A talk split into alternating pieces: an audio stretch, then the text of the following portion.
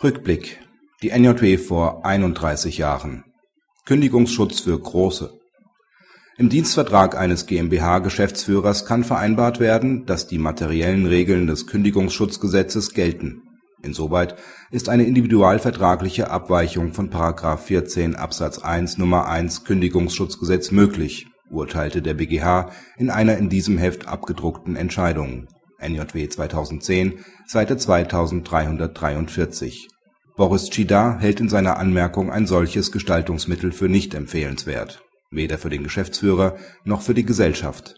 Eine Abfindungsklausel für den Fall der ordentlichen Kündigung führe auch ohne den Umweg über die § 14 Absatz 2 Satz 2, 9 Absatz 1 Satz 2 und 10 Kündigungsschutzgesetz mit langwierigen Gerichtsverhandlungen zu einer interessengerechten Lösung. Eine Abfindung kann auch einem leitenden Angestellten beim Verlust seines Arbeitsplatzes zustehen, obwohl er nicht vom Sozialplan im Sinne des § 5 Absatz 3 Betriebsverfassungsgesetz begünstigt wird. Das stellte das BAG im Rahmen seiner Entscheidung zur Anwendbarkeit eines Sozialplans auf leitende Angestellte fest (NJW 1979, Seite 1621).